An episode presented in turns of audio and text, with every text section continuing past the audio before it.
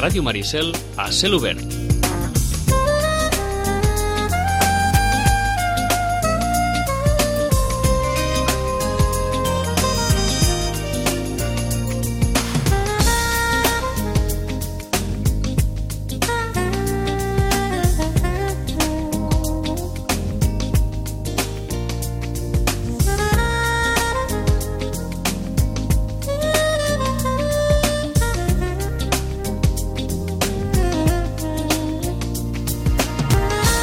Doncs reprenem, com els dèiem, el nostre espai de llibres, com sempre en companyia de la Rosana Lluc, des de Llorenç Llibres. Rosana, bon dia, bona hora. Hola, molt bon dia. Què tal? Doncs mira, aquí, envoltada de llibres. Molt bé. Lectures per fer passar la calor. També hi ha unes quantes, eh? Sí, sí, sí o, o, o, o perquè com a mínim la passis bé, no? Molt bé. I, bueno, no te n'enteris de la calor que fa. Eh? Eh, Rosana, eh, Emili Teixidor, Emili Teixidor, sí. Emili Teixidor. Se'ns ha anat, la seva obra. I no sé si això ja és, és una, una motivació extra a l'hora de triar doncs, alguna de les seves obres. Uh, sí, de fet, uh, ja sabeu que Pa Negre és l'obra, diguéssim, més coneguda darrerament. En definitiva, uh, és una de les obres també que s'ha notat aquests dies. Suposo també, ja sabeu que s'ha reposat, a, em sembla que s'ha reposat a TV3, a la pel·lícula i per uh -huh. tant mhm. també ha sigut doncs, el moment de dir, escolta, aquells que no l'havien llegida doncs reprenem la lectura o com a mínim l'agafem de cara a l'estiu, no? Uh -huh. uh, per les altres novel·les, doncs, mm, bé, ja, ja és una altra cosa, la gent se les mira, uh, és això. Hem tingut uns dies entre premis i gent que, així com a escriptors que, que se'ns han anat coneguts, en uns dies allò de, de celebracions vàries, no? Llavors això també fa que la gent digui, ah, mira, ah, d'això, o possiblement que el reprengui mm -hmm. més endavant, no? O que pensi, de cara a l'estiu, pensi en agafar una novel·la de, ja. de la militació. Eh, perquè això acostuma a passar, hi ha un, una creixent demanda mm, arran, no sé, d'una mort, com en aquest cas, com la d'Emili Teixidor, més enllà de que, mm, evidentment, parlem constantment d'escriptors que encara estan vius i que guanyen premis varis, no? Sí, sí, sí que passa, en mm. veritat, eh? Vull dir, he passat amb ell fa uns dies, uns quants dies més, va passar amb el rei Bradbury, que diguéssim no, no tenen cap lligam entre si, però que sí que és un autor també, doncs no, això de les cròniques marcianes, el Fahrenheit 451, són novel·les que, que potser ara aprofites i dius, calla, saps? Uh mhm. -huh. me, me la llegiré, no? Uh mhm. -huh. Ja que no l'he llegida. Uh, clar, els premis també, perquè, és clar doncs, si donen el premi al Príncep d'Astúries amb, amb un autor que més o menys és conegut, eh, malgrat que sigui un autor literari com el Philip Roth, doncs també dona peu a que la gent digui doncs calla, que me'l posarem les lectures allò que pendents i, i, i lectures d'estiu. Uh mhm. -huh. quin, quin, quin tipus de lectura ens podries recomanar per l'estiu? Ha de ser una lectura més aviat doncs, de, de... Mira, és que depèn, ja cadascú fa les seves, no? Ah, hi ha, hi ha gent sí. que, que decideix que fa els pendents, no? Ja. La llista de pendents, no? I molta gent, no sé per què, si tu preguntes a qualsevol... Eh, quin llibre tens pendent? Sempre surt un clàssic mm. saps? Un llibre d'aquells, o un Tolstoi, o un Dostoyevsky, o un, no? un, un, un clàssic, una novel·la que diríem ja novel·la clàssica. Però, de fet, eh, ara ja saps que corren uns temps que el que volem és distreure'ns. Ah, això mateix. I volem distreure'ns i eh, la majoria de gent es distreu amb la novel·la policiaca. Mm -hmm. No mhm. tots, però molts ens distraiem amb novel·la policiaca. En principi, eh, clar, les editorials també fan les seves apostes, ha sortit la, de la Sue Grafton, que ja ens portava uns mesos, eh, diria que com a mínim 3 anys sense novel·la, i ara ens ha sortit en castellà, estem pendents de si l'editor en català la fa en català, saps? però ens ho treu en català, de moment no ho ha fet.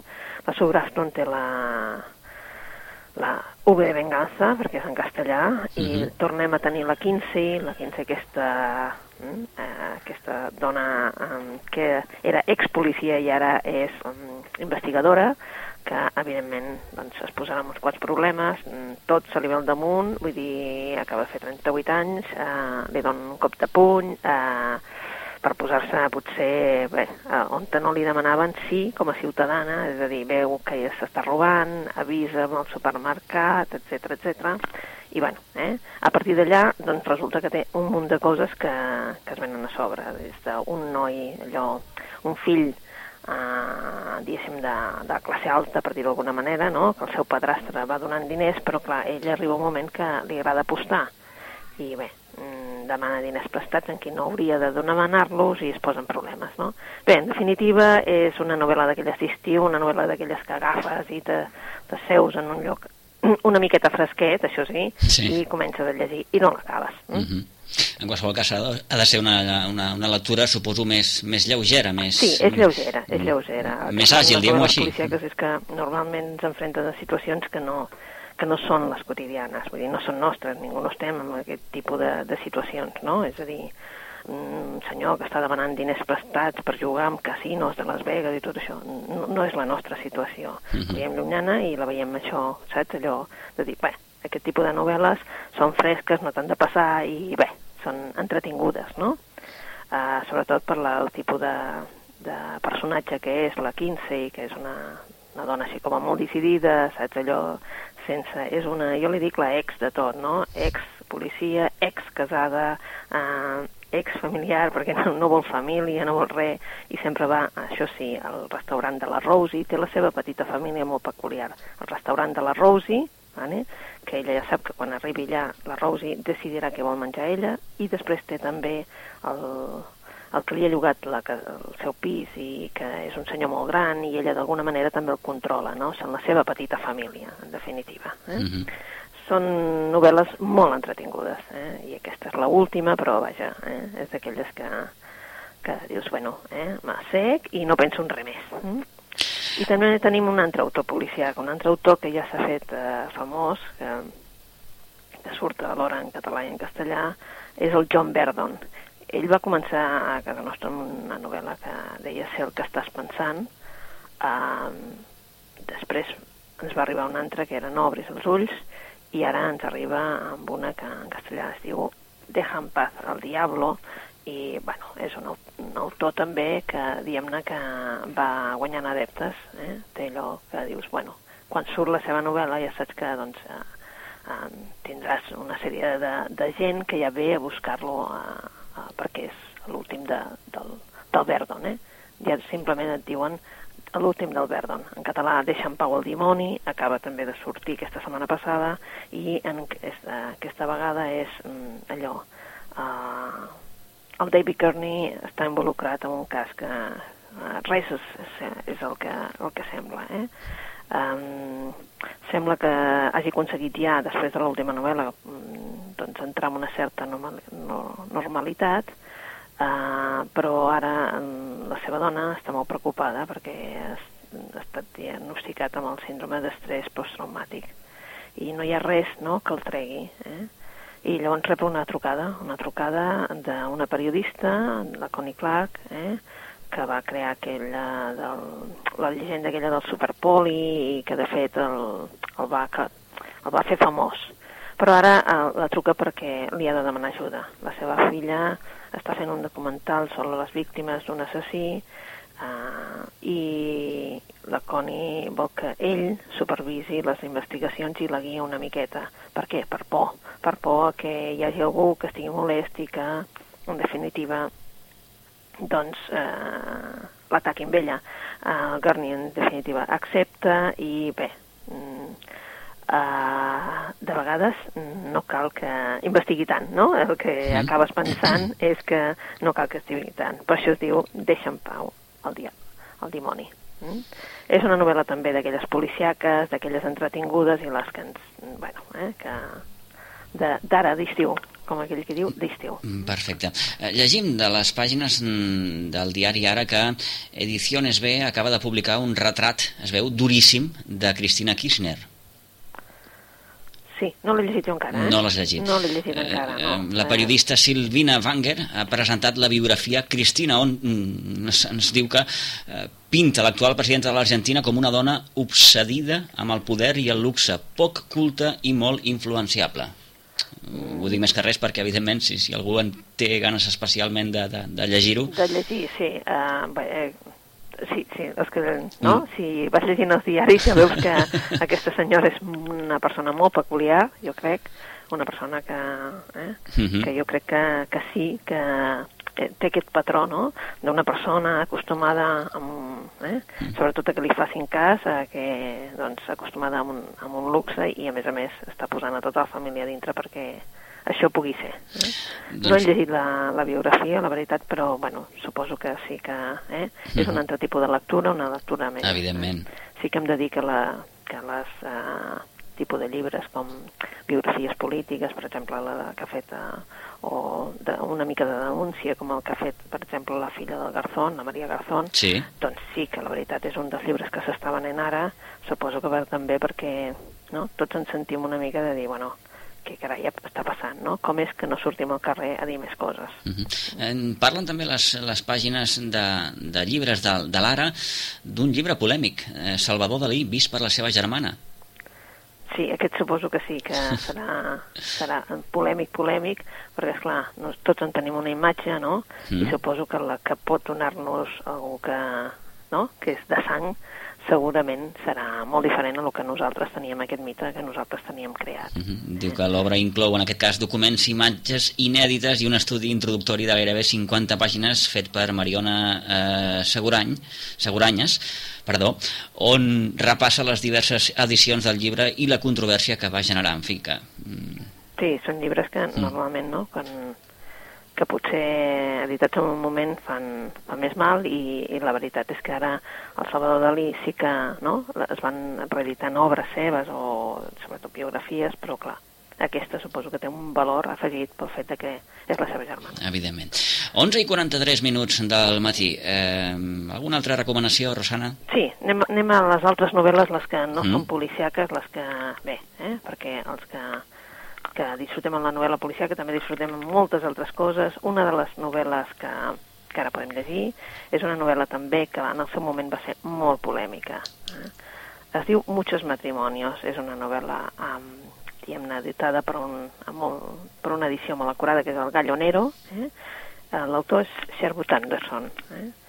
El Sherwood Anderson, recordem que va morir abans dels anys 50, és a dir, que és, eh, en definitiva, és un dels pares de la literatura nord-americana. Eh? És eh, històries curtes, eh, tot eh, per demostrar-nos quina és la societat nord-americana que tenen. Recordem que és abans dels anys 50, per tant, Muchos matrimonios els que ens parla és precisament d'una història. I, I sembla, quan la comences a llegir, que sigui una història d'adulteri i res més. Eh? Ah, en definitiva, el jefe i secretària. Eh? Uh -huh però la veritat és que la reflexió de l'Anderson va molt més enllà. Eh? És, és més profunda i vol eh, realment arribar a allò, a entendre quines forces hi ha en l'home, en definitiva, inevitables, que el mouen a, a, bé, a, a fer alguna que convencionalment no està acceptat.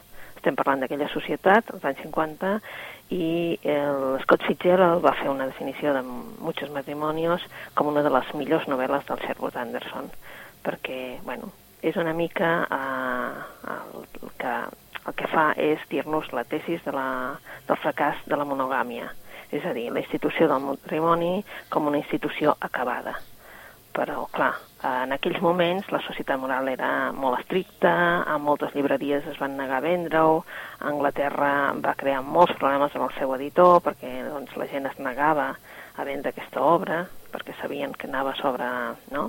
sobre això, de dir que era estúpid la monogàmia, no? Uh, bé, el Scott Fitzgerald per això uh, va dir que no era un llibre immoral, sinó que realment era un llibre antisocial. Eh? i que la veritat és que es va adelantant al seu temps, no? Uh, bé, mm, l'Anderson en definitiva ja sabia que se l'acusaria d'immoralitat perquè en definitiva ell el que volia era demostrar que l'ésser humà és lliure i lliure de fer el que vulgui en qualsevol moment. Muchos matrimonis és una obra curteta, però us asseguro que es llegeix molt i molt bé, uh mhm. -huh. i a més a més doncs, parla això, eh? no només una història d'adulteri, sinó que comporta a cadascú de nosaltres i a més a més què ens mou per fer això. Muchos matrimonios, de Sherwood Anderson.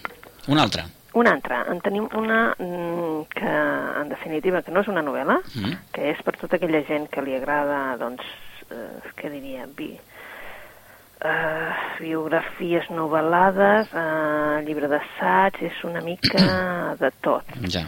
Són unes memòries, i és La liebre con ojos de hambre, o con ojos de àmbar, perdó, o La, lle la llebre amb ulls d'àmbar. I, de fet, és una història d'una col·lecció, eh? d'un col·leccionista, Edmund de Val, és un col·leccionista, un col·leccionista que ha col·leccionat doncs, eh, i que ha fet exposicions a la Tate, ha fet exposicions també a British, um, ell és professor de ceràmica també a, uni a la universitat i en definitiva són eh, més de 200 figuretes de, de fusta i també de marfil, totes figuretes molt petitetes i que en definitiva són l'origen d'aquest eh, llibre en el que Edmund de Val eh, doncs, descriu el viatge que han fet al llarg dels anys. És un viatge d'aventures, penseu que què, què passa amb totes les col·leccions eh, quan ve una guerra, per exemple, doncs, eh, precisament ell ens parla doncs, d'això, d'un viatge ple d'aventures, de guerra, d'amor, de pèrdua. És la història, en definitiva, d'una família. Una família, eh, el nom és bastant complicat de dir, Eibshohur, i doncs què ha passat amb aquesta col·lecció que va passar de la història d'Europa en els segles XIX i XX. Um, és a partir d'una figureta molt petitona, que és una figureta que és com, vaja, com una capsa de mistos, eh? que és una llebre amb ulls d'àmbar, eh? i que va parar en la butxaca amb les monedes i al final acaba amb un viatge, amb un viatge que on es descobreix a si mateix. Hi ha moltes escenes, moltes, eh, clar, ha passat l'època, diguéssim, de guerra-guerra, des de, bueno, doncs l'Alemanya Hitler, mm, tota aquesta Europa convulsa i, en definitiva, doncs la història d'aquestes figuretes. Sembla una cosa difícil de llegir, però en canvi Mhm. és molt amena i molt fàcil de llegir. D'acord, la llebre amb ulls d'àmbar.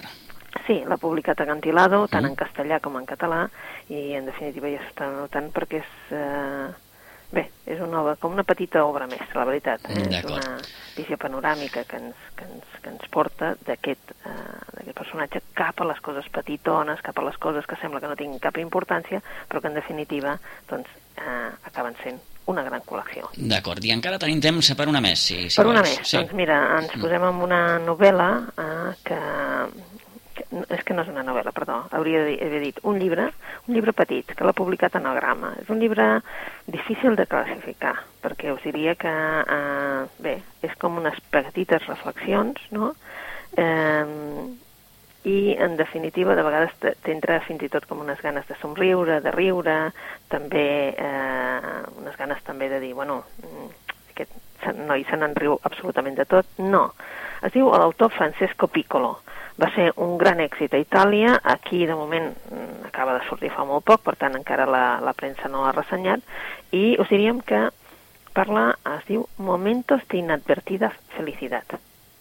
I en definitiva el que fa l'autor és agafar i explicar-nos moments no? en el que, encara que no ho pensem, després quan ho pensem són moments feliços i hauríem de fer una... Un, diguéssim, els hauríem d'anar guardant i pensar, carai, quants moments feliços hem tingut. Mhm. Moments tan tontos com, per exemple, quan estàs a... No tontos de dir, escolta, estic buscant aparcament i no en trobo, i no en trobo, em vaig posant nerviós i no en trobo, i no en trobo. I la felicitat que tens, eh, que experimenta el teu cos quan de cop i volta En trobes un. en trobes un, no?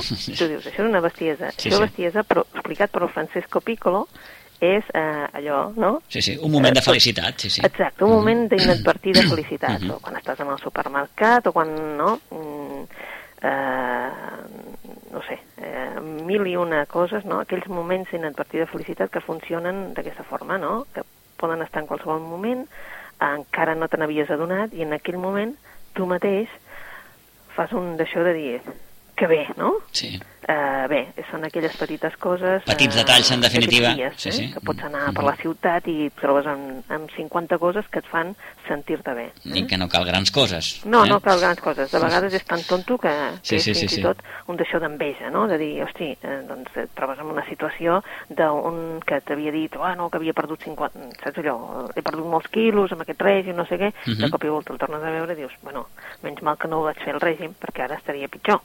Saps? Vull dir, perquè Sí, sí. llavors resulta que ho, que ho ha guanyat tot, no? Vull dir, d'aquestes coses que en definitiva no ens volem descobrir, però que sí que molts, no? Vull dir, Mhm. que et descobreixes que tens, bueno, home, t'hauries de sentir malament perquè pobre no li ha servit de res, no? I en canvi són momentos d'inadvertida felicitat. Per això et dic que de vegades és una miqueta, fins i tot irreverent, el, el Francesco Piccolo amb la, tot això, no? Fantàstic. I, i bueno, no són, són textos molt curts, eh? Vull dir, mm, vull dir, són aquelles... Eh, quan un es desperta, es fa un cafè, eh, estan dormint tots, i, i llavors tu tens tant de temps per tu sol, per la casa per tu sol, perquè ningú no t'amoïnia, diu, això també és un moment d'inadvertida felicitat. És allò per pujar-te la moral, eh? És un Mhm. llibre per pujar-te la moral, no pretén gaire cosa més. Home, de doncs està molt bé, està molt bé, pels temps que corren. Exacte. molt bé. Muchos matrimonios de Sherwood Anderson, a la llebre amb ulls d'àmbar d'Edmund de Bali, aquest llibre d'anagrama, Momentos d'inadvertida felicitat, com ens comentava ara fa uns moments la Rosana de Francesco Piccolo. Són algunes de les eh, recomanacions de lectura per aquest estiu que hem començat doncs, fa tot just com aquell qui diu eh, quatre dies. Rosana, moltíssimes gràcies. Gràcies a vosaltres. Ens en retrobem, si Déu vol, d'aquí 15 dies. D'aquí 15 dies amb vosaltres. Adéu-siau. A